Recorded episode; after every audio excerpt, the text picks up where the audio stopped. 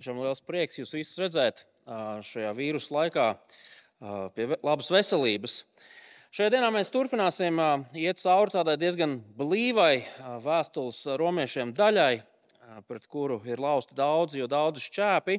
Tādēļ es aicinu, ka mēs varētu bez liekas kavēšanās atvērt un izlasīt šīs dienas raksturvietu. Šodien mēs lasīsim no 9. nodaļas 30. panta līdz pat 10. nodaļas beigām. Tātad 9. nodaļas 30. pāns līdz 10. nodaļas beigām.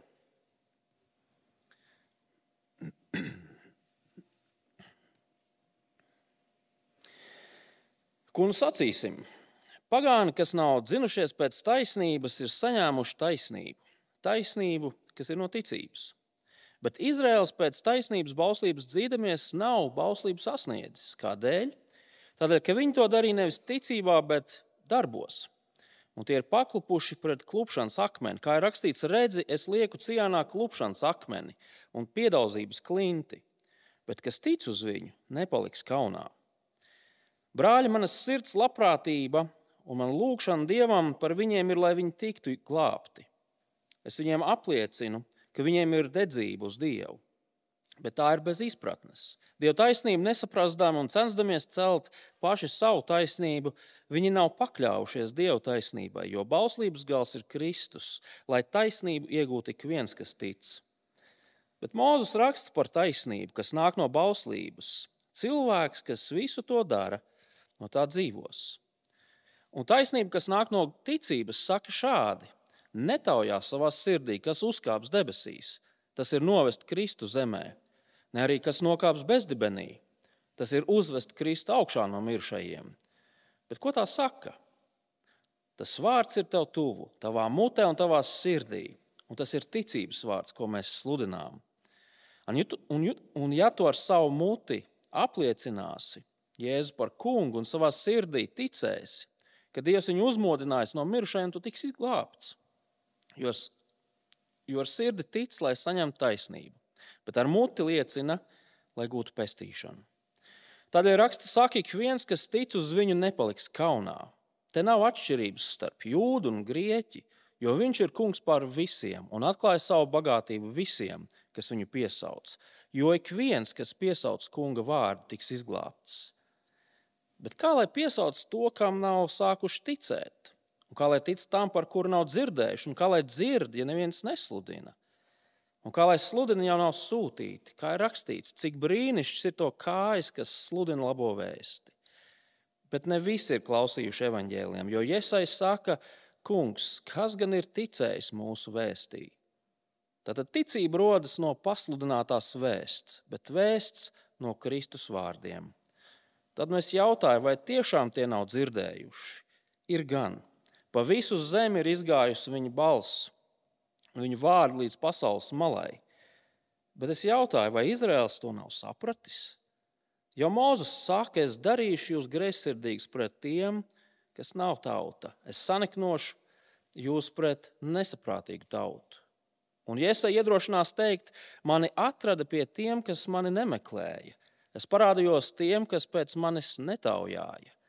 Bet uz Izraēlu viņš saka, augu dienu es stiepu rokas pretim, nepaklausīgai un pretestīgai tautai. Tas ir Dieva vārds. Lūksim Dievu. Cik brīnišķīgs ir to kājas, kas sludina labo vēstu. Debes Tēvs, mēs Tev no sirds pateicamies par vārdu, kas mums ir brīvi pieejams. Tas mūs māca par to, kā iegūt glābšanu kā dzīvot šajā pasaulē, kā Taviem ļaudīm.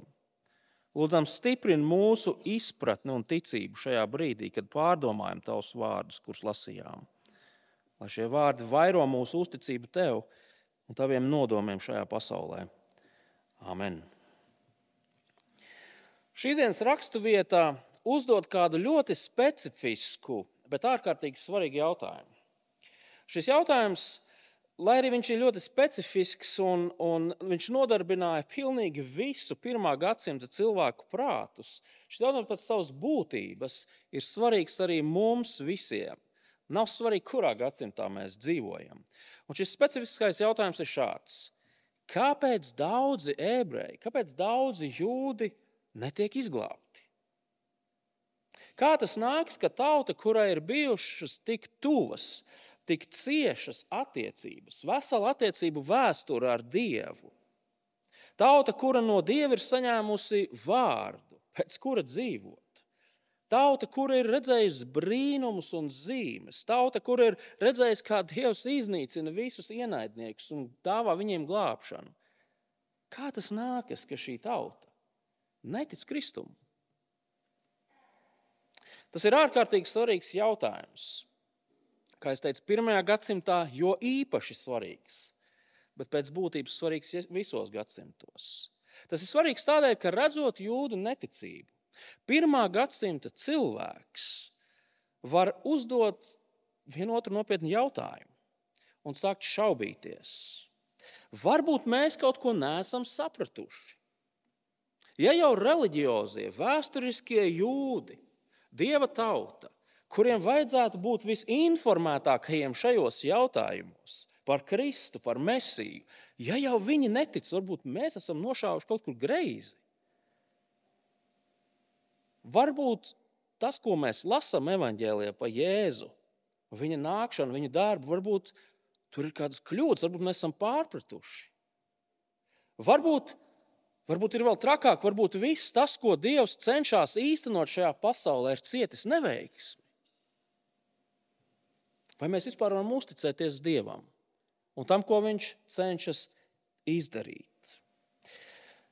Un šo jautājumu mēs varam uzdot arī šodien. Kāpēc tik daudz cilvēku netic Dievam? Kāpēc? Ar ko tas ir saistīts?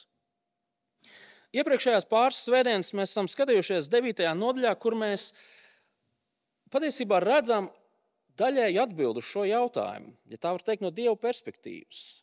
No Dieva perspektīvas Pāvils 9. nodaļā centās atbildēt, kāpēc cilvēki netic. Un tagad viņš to fokusu pagriež nedaudz no citas puses. Un mēs redzam, ka iemesls, kādēļ cilvēki netiek glābti, ir tas, ka viņi nevēlas pieņemt Kristus vēsti. Viņi nevēlas pieņemt Dieva žēlastību un apžēlošanu. Tā ir īsā atbilde šajā garajā nodaļā. Redziet, iemesls tam, kādēļ daudzi jūdi Un pastarpināt arī daudzi citi cilvēki visos laikos, visās tautās, kāpēc viņi netic Jēzum un netiek izglābti, ir, ir tas, ka viņi izvēlās citu ceļu. Viņi izvēlas iet pa citu ceļu. Viņi nesaprot patiesības ceļu. Un vēl jau vairāk, kā mēs redzēsim šīs dienas raksturvietā, tā problēma ir daudz dziļāka par nesapratni. Viņi nevēlas, viņi negrib. Un Pāvils šos vārdus raksta, lai mēs varētu būt pārliecināti par, par Dieva nodomu, lai mēs varētu būt droši par Dieva plānu. Nekas nav nogājis greizi, viss notiek tā, kā tam ir jānotiek. Pāvils vēlas, lai mēs varētu būt droši par, par, par to, ka Kristus ir kungs un glābējs pār visiem, kurš spēj Dievu priekšā mūs reāli patiesi uz visiem laikiem attaisnot un glābt. Mēs par to varam nešaubīties un nebaidīties, redzot to, ka daudzi cilvēki netic. Pirmā lieta, ko Pāvils šeit, ar ko viņš sāk šīs dienas raksturvieta, ir aprakstot šo nepareizo ceļu, pa kuru bija izvēlējušies iet jūdi. Taisnošanas, taisnošanā dedzība un darbi paši par sevi neko nedod. Jūs pamanījāt, ka šīs dienas raksturvieta, 9. nodaļas izskaņa tā sākas ar diezgan šokējošiem vārdiem. Ieskatieties, ko nu sacīsim? Pagāni, kas nav dzinušies pēc taisnības, ir saņēmuši taisnību. Taisnība, kas ir no ticības. Bet Izraels pēc taisnības bauslības dzīdamies nav bauslības sasniedzis. Kādēļ? Tādēļ, ka viņi to darīja nevis ticībā, bet darbos. Un tie ir paklupuši pret klupšanas akmeni, kā ir rakstīts redzes lieku cienā klupšanas akmeni un piedaudzības klinti, bez kas tic uz viņu, nepaliks kaunā. Jūs pamanījāt to šoku? Pagāni, tautas, kas pēc savas būtības, pēc savas dabas nav zinušies pēc taisnības, viņi nav rakušies Dieva vārdā, viņi nav meklējuši Dievu tā, kā Dievs sevi ir atklājis. Viņi ir ieguvuši taisnību, attaisnošanu, mieru ar Dievu. Savukārt jūdi, kas no mazotnes ir studējuši Dieva vārdu, kas ir bijuši iegremdēti jūdu reliģijā, kas līdz ar mātes pienu sevi uzņēma visas šīs lietas, viņi nav atraduši taisnību. Viņi to nesaņēma. Kā gan tas ir iespējams? Pāvils atbild 32. pantā. Tādēļ, ka viņi to darīja nevis ticībā, bet darbos.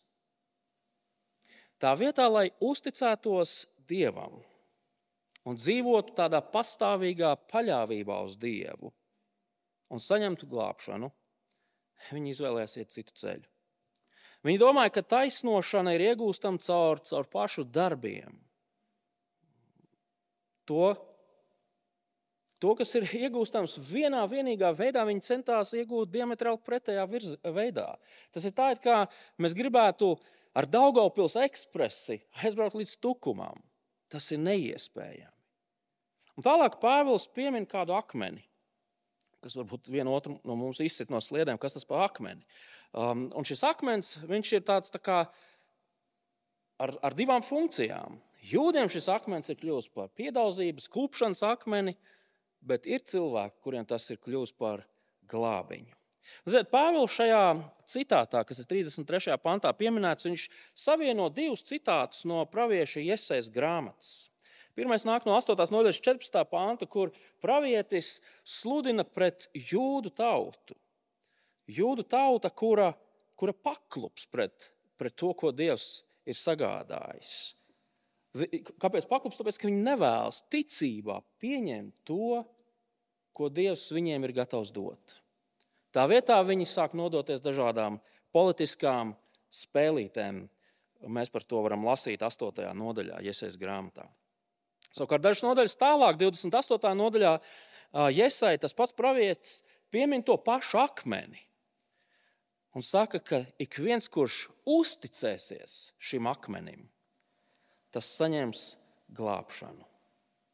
Viens akmens, divi dažādi rezultāti. Protams, lielais jautājums, kas tas par akmeni? Kur viņš ir meklējams? Mēs vakardien uh, devāmies tādā ziemas pastaigā pa viesatas upes lokiem, un tur gala mērķī bija tāds milzīgs akmens. Uh, Par viņu noteikti varēja gan paklupt, gan sasisties. Uh, viņš bija slidens un tā tālāk. Runa nav par tādu veidu akmeņiem. Es pieņemu, ka jūs jau to saprotat. Tas akmens ir kunga apsolītais valdnieks, kurš dāvās glābšanu ikvienam, kurš viņam tic.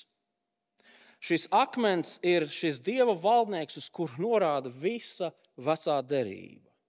Šis akmens ir Kristus, Jēzus Kristus.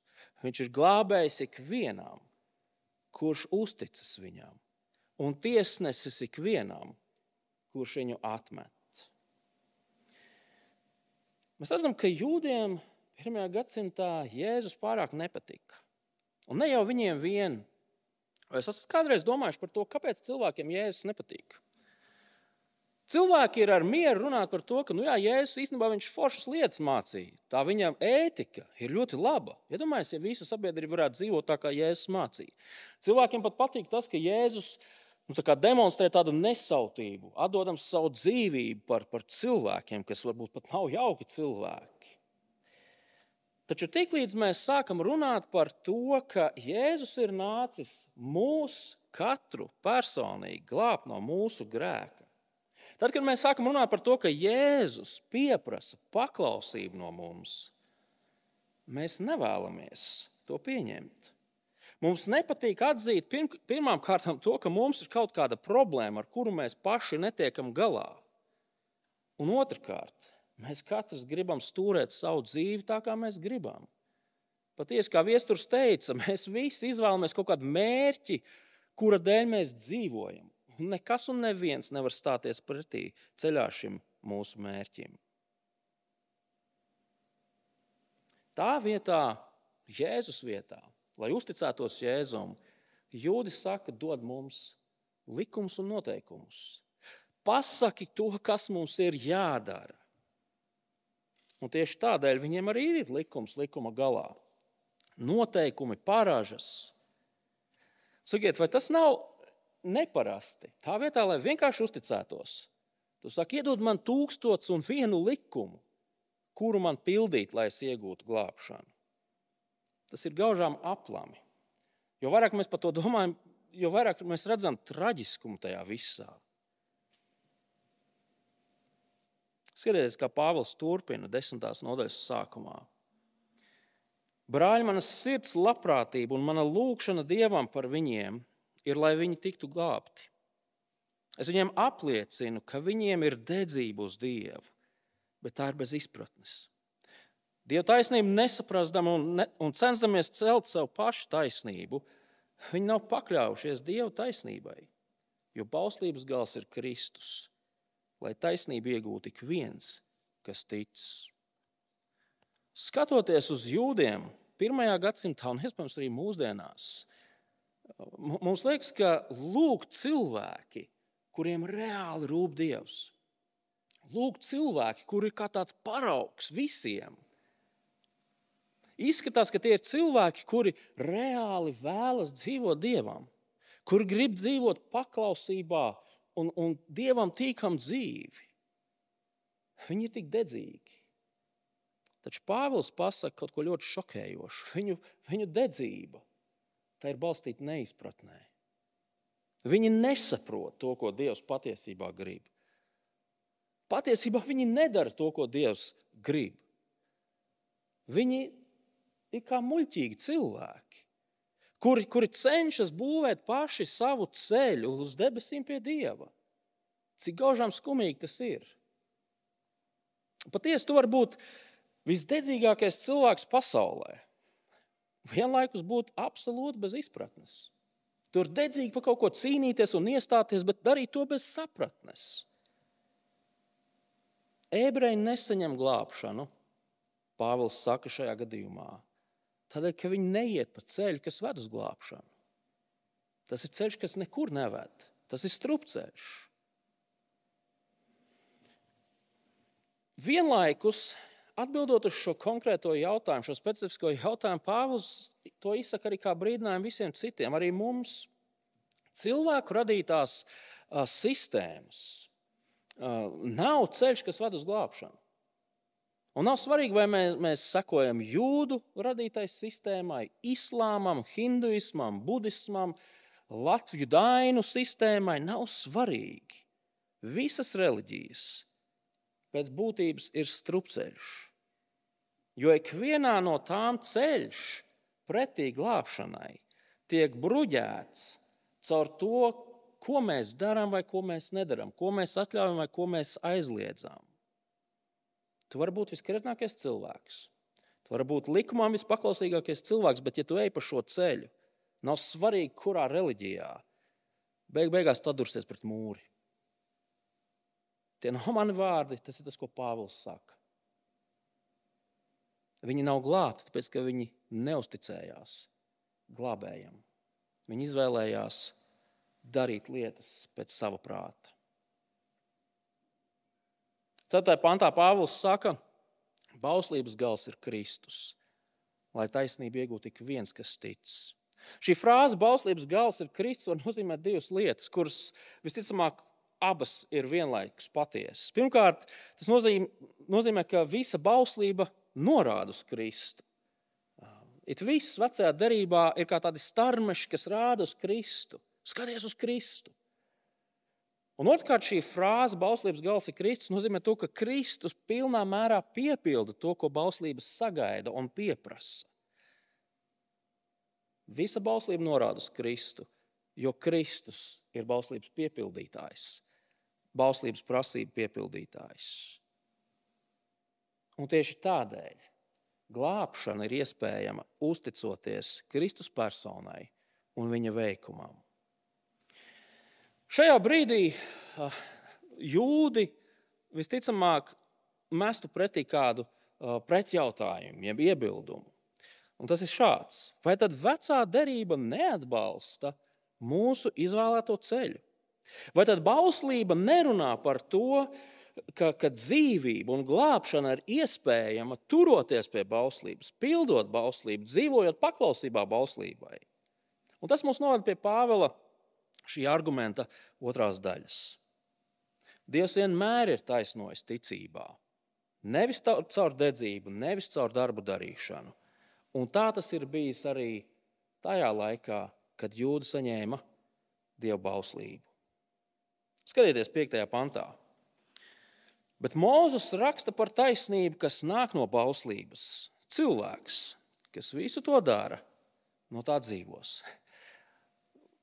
Sākotnēji var šķist, ka jūdiem ir taisnība. Un Pāvils kaut ko ir sajaucis. Pareizi, kur Mozus saka, cilvēks, kas visu to dara, tas dzīvos. Un tādēļ jūdzi ceļās kājās, saka, redzi, tie ir paša slavenā mūzes vārdi, dari un tu dzīvosi. Un tieši tādēļ mēs jau arī cenšamies darīt, jo mēs gribam dzīvot. Un tu mums pamet, ka mēs ejam pa nepareizo ceļu. Nav šaubu, ka tie ir mūzes vārdi.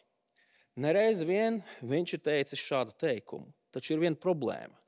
Ir svarīgi saprast šos vārdus to kontekstā. Mēs nevaram izraut vienu teikumu ārpus konteksta un, un, un pēc tam turēties pie tā, pie, kā, pie lielas patiesības. Un tālākie panti, sākot ar sesto pantu, ir tāds diezgan tāds liels vecās derības popūrijas, ja to varētu tā nosaukt. Un varbūt mēs tur pat varam iestikt. Kur, un šajos, šajos pantos Pāvils nepārprotamā veidā cenšas parādīt to, ka vienmēr, arī vecās derības bauslības laikā, Dievs cilvēkiem ir dāvājis glābšanu caur uzticēšanos viņam, nevis caur dedzīgu darbu darīšanu. No 6. līdz 8. pantam Pāvils citē no 5. mūzes grāmatas 30. nodaļas. Man liekas, būtu labi, ja mēs atvērtu šo, šo raksturvietu. 5. mūzes grāmata, 30. nodaļa, draudzes Bībelēs 232. lapuse. 5. mūzes 30. nodaļa, un izlasīsim no 11. līdz 14. pantam. Jo šī bauslība, ko es tev šodien pavēlu, nav nepiepildāma un neiespējama. Ne jau debesīs tā ir, ka tu teiktu, kurš mūsu dēļ uzkāps debesīs un paņems to mums, ka es to dzirdētu un varētu ievērot. Un tā nav arī aiz jūras, ka tu teiktu, kurš mūsu dēļ šķērsos jūru un paņems to mums, ka es to dzirdētu un varētu ievērot. Tās vārdi tev ir jo tuvu, tavā mutē un tavā sirdī. Tikai pildi tos. Un te jūdzi saka, redzi, Pāvils, tu redzi? Bauslība ir vienkārša, tā ir pildām, tā ir dota tādēļ, lai mēs to pildītu un varētu dzīvot. Tā nav jādodas pakaļ kaut kur debesīs, neaizsniedzamos augstumos. Tā nav jāceļo eh, pakaļ pāri lielajiem okeāniem. Tā ir tepat blakus, tā ir viegli pildām. Nu, varbūt ne viegli, bet tā ir pildām, un tādēļ mēs pildām un iegūstam dzīvību. Vai ne tā? Vai tas nav tas, ko Mozus šeit saka? Tas ir tas, ko Mozus šeit saka. Bet tie ir Mozus lūkšanas, ja tā var teikt, nobeiguma vārdi ir svarīgi redzēt, ko Mozus teica pirms tam. Tādēļ pašķirt vienu lapu atpakaļ, 30. nodaļas, 4. līdz 6. pāntu, 5. mūzes grāmatā. Kur Mozus saka šādi: Kaut arī tu būtu aizstriegts līdz debesu malai, Pat no turienes kungs tavs dievs tevi pulcēs, un no turienes tevi paņems. Kungs tavs dievs aizvedīs tevi uz to zemi, ko tavi tēvi iemantoja, un tu mantosi to. Un viņš būs dāsns pret tevi un darīs tevi lielāku par taviem tēviem. Kungs tavs dievs apgraizīs tavu sirdi un tavu pēcnācēju sirdis, lai tu mīlētu kungu savu dievu no visas savas sirds un visas savas dvēseles, lai tu paliktu dzīvs. Jēzu, es atvainojos, Mozus šīs, šo, šī pravietojuma um, pirmā daļa runā par dienu, kurā Dievs no jaunas sapulcēs izkaisītos ļaudis, trimdā aizdzītos ļaudis. un dāvās tiem svētības. Bet vai jūs pamanījāt to, kas tad būs šo svētību un šīs dieva glābšanas saņēmēji? Ļoti konkrēta cilvēku grupa, tie, kurus sirdis būs apgaizītas. Vecā derība, pieminot frāzi sirds apgaizīšana, raugās nākotnē, uz to vienu dienu, kad Dievs ar cilvēkiem slēgs jaunu derību, žēlastības derību Redziet, Mozus ļoti skaidri māca to, ka, ka šī glābšana, ko Dievs dāvā, un ar to saistītās svētības, ir saistīts ar sirds apgaizīšanu, nevis bauslības pildīšanu. Mainīta sirds, nevis dedzīga darbošanās. Mozus paredzēja to, ka cilvēki savas neapgaizītās sirds dēļ, dedzīgi pildot baušļus, aizskries pazušanā bija vajadzīgas sirds izmaiņas, lai cilvēks varētu saņemt glābšanu. Vienkārši bauslības pildīšana neko nedod. Tas ir tas, ko vecā darība māca. Bet tas jautājums mums, atgriežamies vēstulē romiešiem, desmitajā nodaļā. Tas jautājums mums joprojām ir, kādā veidā tas, ko mēs lasījām Mozus grāmatā, saistās ar to, ka bauslība ir viegli pildāma, ka tā ir tepat blakus ka tā nav kaut kas neiespējams. Izlasīsim to, ko Pāvils šeit saka. Izlasīsim to citātu, kā Pāvils to citā, un mēs ieraudzīsim, pa vidam šim citātam Pāvils iemet komentārus, kas palīdz saprast to, ko viņš šeit saka. 6. līdz 8. pāns, 10. nodaļā. Un taisnība, kas nāk no ticības, saka šādi: Netaujās sirdī, kas uzkāps debesīs, tas ir novest Kristu zemē. Ne arī kas nonāks bezdibenī, nokāps bezdibenī, tas ir uzvest Kristu augšā no mirušajiem. Bet ko tā saka? Tas vārds ir tev tuvu, tavā mutē un tavā sirdī, un tas ir ticības vārds, ko mēs sludinām. Kas ir tas tuvais vārds, kas ir cilvēku mutē un cilvēku sirdī? Kas ir šis ticības vārds, ko Pāvils šeit piemin? Kas ir šis vārds, kura turēšana dāvās cilvēkiem glābšanu? Pāvils saka, tas ir Kristus. Tas ir Kristus. Viņš nāca no debesīm, viņš izdarīja to, ko viņam vajadzēja izdarīt. Viņš augšām cēlās no mirušajiem, un viņš sēž pie tēva godībā. Lūk, šis ir tas vārds, kura apliecināšana cilvēkiem dāvā glābšanu. Un tagad 9. 10. pāns. Ja tu ar savu muti apliecinās Jēzu par kungu un savā sirdī ticēs, ka Dievs viņu uzmodinājis no mirušajiem, tu tiksi glābts. Jo ar sirdi tic, lai saņemtu taisnību, bet, bet ar muti liecina, lai gūtu pestīšanu. Pāvils saka, glābšana un attaisnošana nāk caur ticību Jēzum. Un ne tikai vienkārši ticība Jēzus personai. Kā viņš saka, ka Jēzus ir kungs. Un šie ir ļoti svarīgi vārdi, un Pāvils apzināti to tā saka. Tev ir jātic tam, ka Jēzus ir kungs, lai iegūtu glābšanu. Jēzus nav tikai vēsturiski persona. Mēs visi cilvēki, kas kaut cik saprot vēsturi, saprot, ka Jēzus reāli ir dzīvojis. Un Jēzus nav arī tāds sentimentāls glābējs, ar to vien arī nepietiek, lai mēs tiktu izglābti. Ne, mums ir jātic, ka Jēzus ir kungs.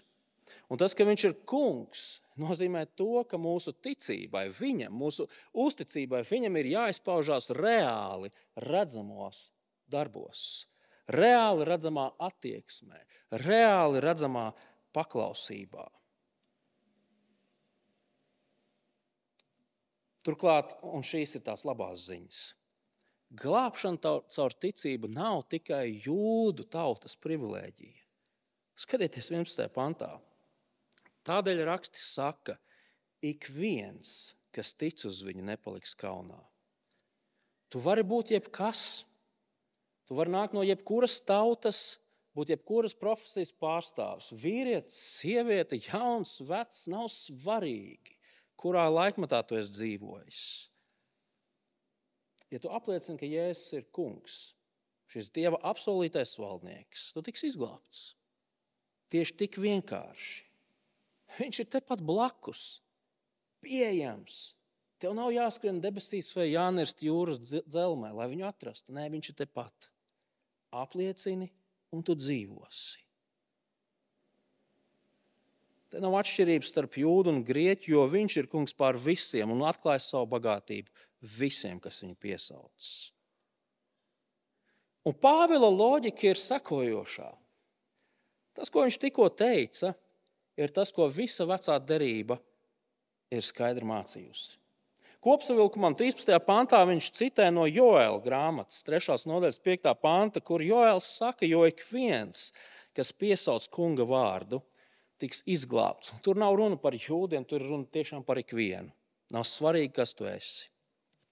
Savākot visu kopā šo Pāvila vecās derības popūriju, visa vecā derība, pat bauslība, tie noteikumi un likumi, kas cilvēkiem bija jāpilda, rādīja uz vienu vienīgu glābiņu, vienu vienīgu ceļu, Dieva apsolīto valdnieku, kas ir Jēzus Kristus uzticies viņam, un tu tapsi glābts. Jūdiem uzticēties nozīmē raudzīties nākotnē, uz to, ko Dievs nākotnē darīs. Savukārt mums 2000 gadus vēlāk, pēc Kristus dzīvošanas cilvēkiem, tas nozīmē skatīties pagātnē uz to, ko Kristus ir darījis un uzticēties tam, lai mēs dzīvotu. Tieši tik vienkārši. Ja tas ir tik vienkārši, kāpēc jūdi netic? Kāpēc cilvēki netic, ja tas ir tik vienkārši? Varbūt viņiem tas nav mācīts. Pāvils saka, tas ir muļķības. Šī taisnošanas labā vēsts ir bijusi pieejama, tā ir pieejama un tā būs pieejama. Tomēr cilvēki izvēlas tam neticēt. Un tas ir šīs nodaļas um, noslēgums. Taisnošanas labā vēsts ir pieejama bet cilvēki izvēlas neticēt. Skatieties, 14. un 15. pantā. Bet kā lai piesauc to, kuru, kuram nav sākuši ticēt? Un kā lai tic tam, par kuru nav dzirdējuši? Un kā lai dzird, ja neviens nesludina?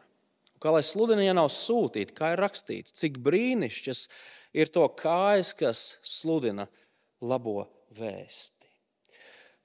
Šos pāntus mēs reizēm izmantojam, lai runātu par evanģelizāciju. Patiesi šie pānti sevi ietver tādu steidzamību, tādu, tādu nopietnību. Ja reiz glābšana ir pieejama tikai un vienīgi caur ticību kungam, Jēzum Kristum, tad, tad viens no pirmajiem un svarīgākajiem soļiem, kas mums kā cilvēkiem ir jādara, kas tic Dievam, ir rūpēties par to, lai arī citi dzirdētu par šo Jēzu Kristu. Mums ir jāsludina par Jēzu. Cilvēkiem ir jādod iespēja dzirdēt par Kristu, lai viņi varētu viņam uzticēties. Un mēs varētu teikt, jā, ka šie panti tādā sekundārā uh, veidā mūs izaicina iestāties par evaņģēlīju kalpošanu, būt par evaņģēlīju pasludināšanas cilvēkiem. Mums ir jārunā par Kristu.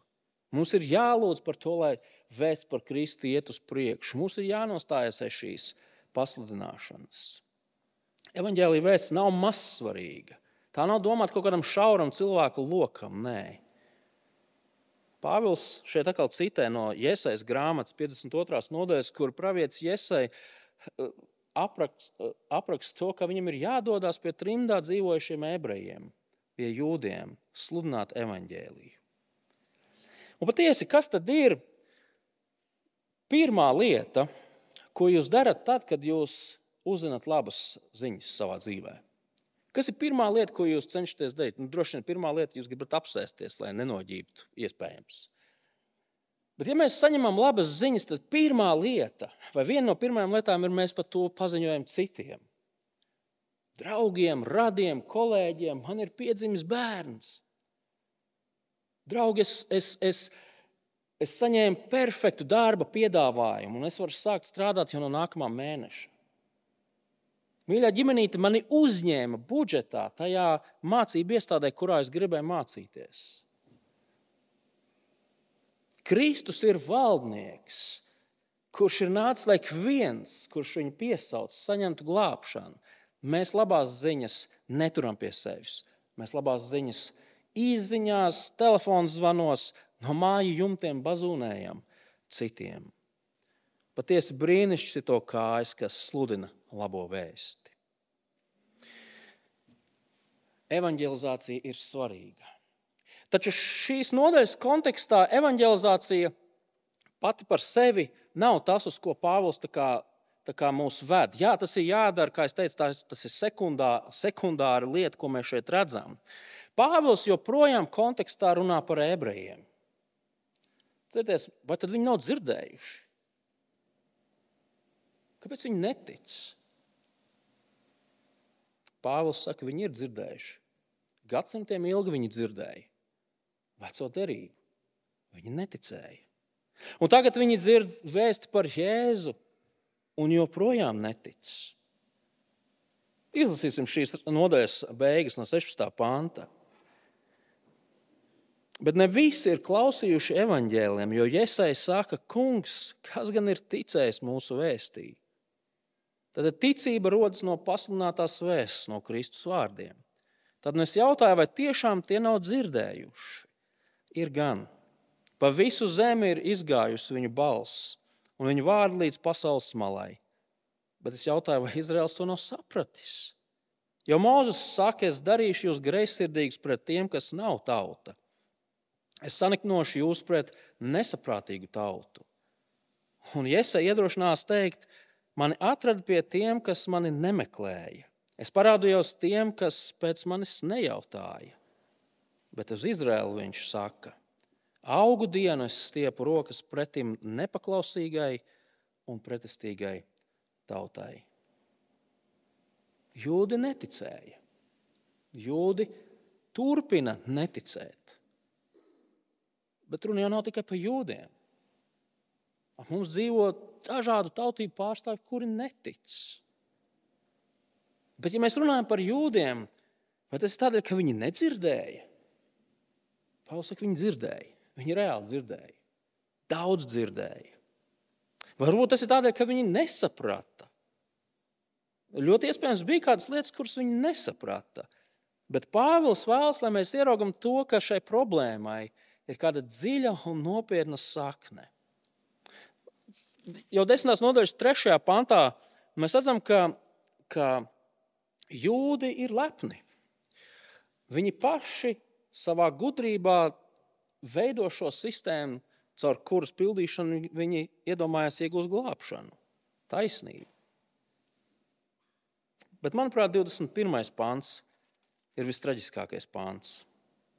Skatieties, viņi ir spītīgi, viņi ir nepaklausīgi, dumpinieki. Ja gribat ja gribat, visa vecā derība ir kā tāds stāsts, kurā Dievs kā mīlošs tēvs ir izstiepis savas rokas pretī Izraēlam ar aicinājumu: nāc, nāc pie manis, un tu saņemsi glābšanu. Nāc pie manis, un tu būsi drošībā. Nāc pie manis, un tu saņemsi svētības. Tu būsi glābts, tu būsi mans cilvēks. Nāc pie manis. Bet ko Izraels? Viņš ir kā tāds uzpūties bērns. Viņš ir rīkojies nepareizi. Un tagad viņš ar sakrustotām rokām uzmest lūpu, kā stāv te uzgriezis muguru. Sarkanu seju. Es pieņemu, ka vecākiem šī ilustrācija ir pazīstama lieta. Mūsu mājās šad un tad tādi bērni ir stāvējuši istabas vidū. Un tu jau šādi spītīgi vari stāvēt visu dienu līdz pat vakaram. Bet beig beigās tu jau būsi tas zaudētājs. Kāpēc jūdi netiek izglābti pirmajā gadsimtā? Tas tādēļ, ka viņi spītīgi nevēlas uzticēties Dieva valdniekam Jēzum. Viņi nevēlas pieņemt, ka Jēzus ir ilgi gaidītais, apsolītais mesija. Viņi grib palikt pie saviem likumiem. Viņi grib palikt pie saviem noteikumiem. Viņi grib palikt pie saviem mēģinājumiem interpretēt Dievu vārdu. Taču, diemžēl, tas nekur neved. Pat ar vislielāko dedzību, ar viskrietnāko dzīvi, bez ticības Kristum cilvēks nonāk strupceļā. Tā tas ir ar jūdiem. Un tieši tāpat tas ir ar jebkuru cilvēku, kurš dzird par Kristu, bet savā stūrgalvībā nevēlas viņam ticēt. Savilksim kopā, ko tad, ko tad mēs esam mācījušies, ko mēs varam paņemt priekš sevis no šīs raksturvietas. Pirmkārt, šie panti, kā jau teicu, ir nopietns brīdinājums. Cilvēku radīta reliģija, kurā mūsu glābšana ir atkarīga no, no tā, ko mēs darām, kā mēs dzīvojam, kā mēs runājam, kā mēs izskatāmies, tā ved pazušanā. Tas ir strupceļš, tur nav rodama glābšana. Cilvēkam liekas, ka nu, kā, visādi jau var būt, bet ja es dzīvošu krietnu dzīvi, ja es tos svaru kausus, nu, tos, tos, tos, tos labos darbus, viņi būs smagāki nekā sliktie darbi, ar mani viss būs kārtībā. Bet vai jūs varat iedomāties lielāku šoku, lielākas skumjas, kā dzīves beigās attapties pie mūra? Nevis pie plaši atvērtiem debesu vārtiem, bet pie mūra, strupceļā. Nav lielākas bēdas, kā skriet pretī mērķim, kas nekur neved. Nonākt pie nepareizā gala mērķa. Nekas nevar būt sāpīgāk. Un tādēļ nekas nevar būt svarīgāk, kā doties pareizajā virzienā, iet pa pareizo ceļu. Nopietns brīdinājums visiem cilvēkiem visos laikos.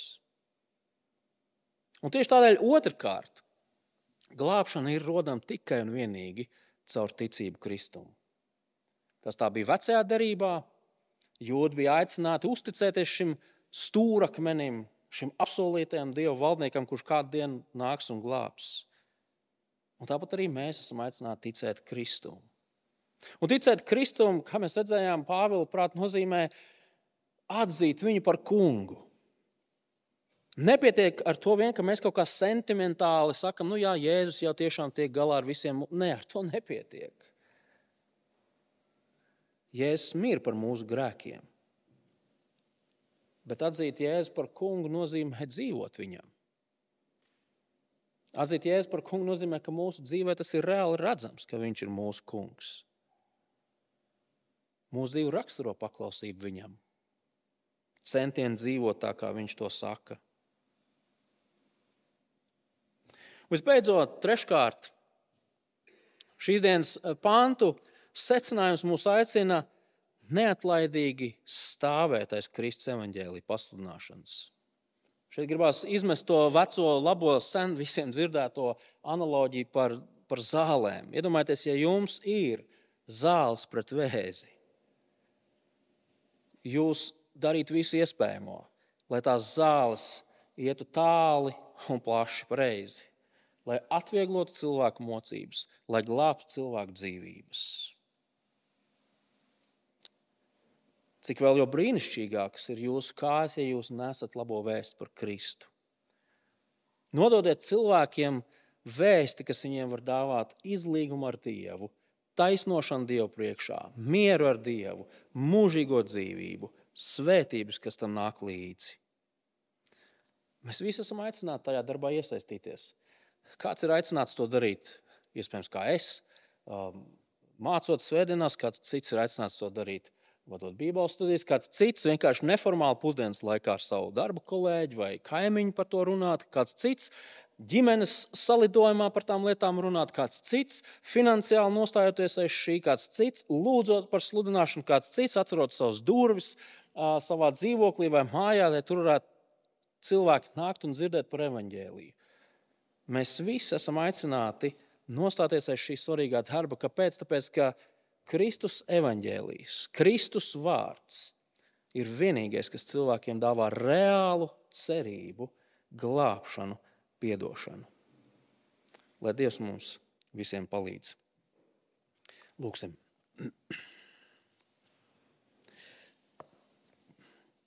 Labais dabas tēvs patiesi.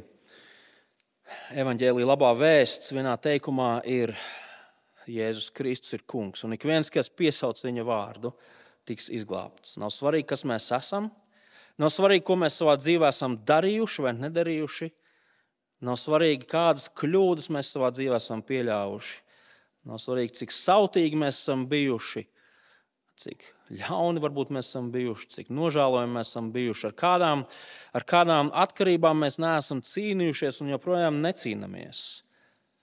Tās, bet ja mēs piesaucam Kristu un apliecinām viņu kā, kā kungu, mēs tiekam attaisnoti, mēs tiekam izglābti, mēs tiekam apžēloti, un nekas to nevar paņemt prom.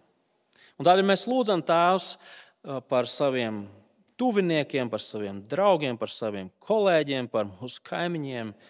Kungs glāb daudzus, jo daudzus no viņiem palīdz mums būt tiem, kas runā ar viņiem vai ieved viņus situācijās, kur viņi var dzirdēt evaņģēlīju vēsti. Lai pie ticības nākuši viņi varētu slavēt tevi.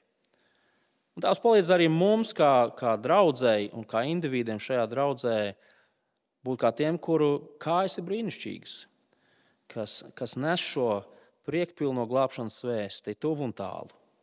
Mums vajadzīga tava palīdzība šajā darbā, tādēļ lūdzam palīdz mums Jēzus vārdā. Amen.